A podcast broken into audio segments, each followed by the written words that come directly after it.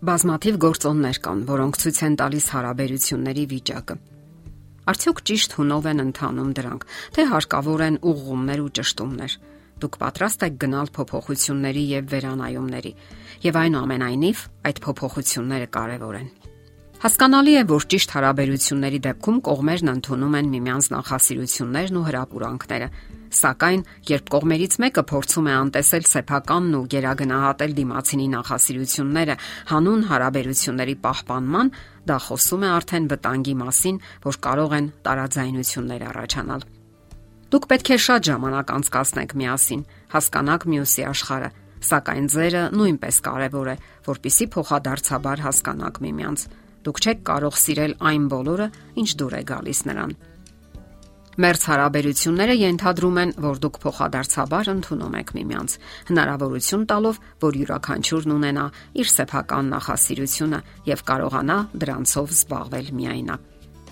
Ի վերջո պարտադիր չէ, որ աղջիկները սիրեն ֆուտբոլ կամ այլ մարզաձևեր, իսկ տղամարդիկ էլ հետաքրքրվեն միայն կանանց հատուկ ոլորտներով։ Հոկեբան Քլոե Կարմայքլը գրում է. Եթե այդ զբաղմունքները ոչ մի ձևով չեն համապատասխանում ձեր անձնական նախասիրություններին, հարցրեք ձեզ, այդ մարդու հետ դուք իսկապես ցանկալի եք զգում ձեզ, հանգիստ ու անվտանգ եք զգում։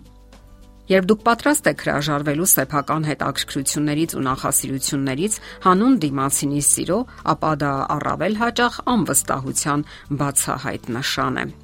Անառողջ հարաբերությունների դեպքում զույգերը կախված են միմյանցից, ինչն էլ իր հերթին վկայում է ցածր ինքնագնահատականի մասին։ Դրա պատճառով նրանք մրցակցության սпарնալիք են տեսնում այն մարդկանց կողմից, որոնց հետ շփվում է իրենց ընկերը կամ ամուսինը, եթե նույնիսկ նրանք մտերիմ ընկերներ են։ Արդյունքում նրանք հոգու խորքում խանդու անբավականություն են զգում բայց սովորաբար նրանք չեն ցուցադրում այդ զգացումները, որpիսի սпарնալիքի տակ չդնեն հարաբերությունները։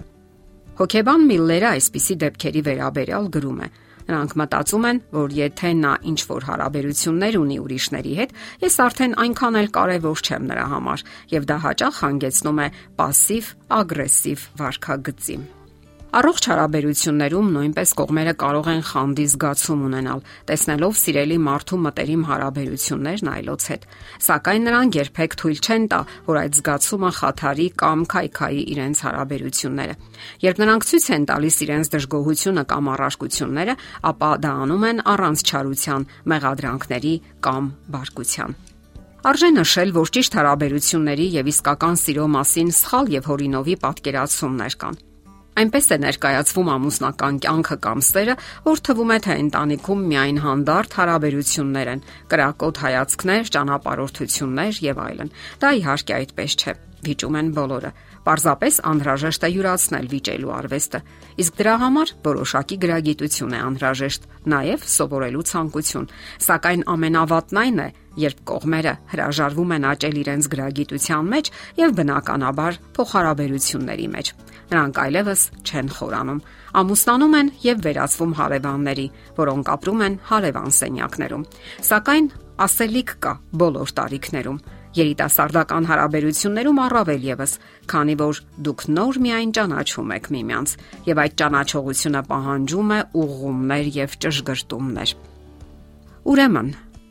ինչպես ճիշտ վիճել։ Պարզապես պետք է գործի երկաթյա կանոնը՝ չվիրավորել դիմացինին, չնվաստացնել եւ չփորձել հաղթել։ Երիտասարդական հարաբերությունները, ինչպես նաև ցանկացած հարաբերություն, երբեք չպետք է վերածել մարտադաշտի։ Կյանքը շատ ավելին է, քան մարտադաշտը։ Այն հարաբերությունների արվեստ է եւ սեր, ինչպես նաեւ կարեկցանքի եւ հոգատարության հմտություն միմյանց հանդեպ։ Գոյություն ունի այսպիսի հասկացություն՝ դրական վեճ։ Դա այն վեճն է, որտեղ կողմերը թե խոսում են, թե լսում։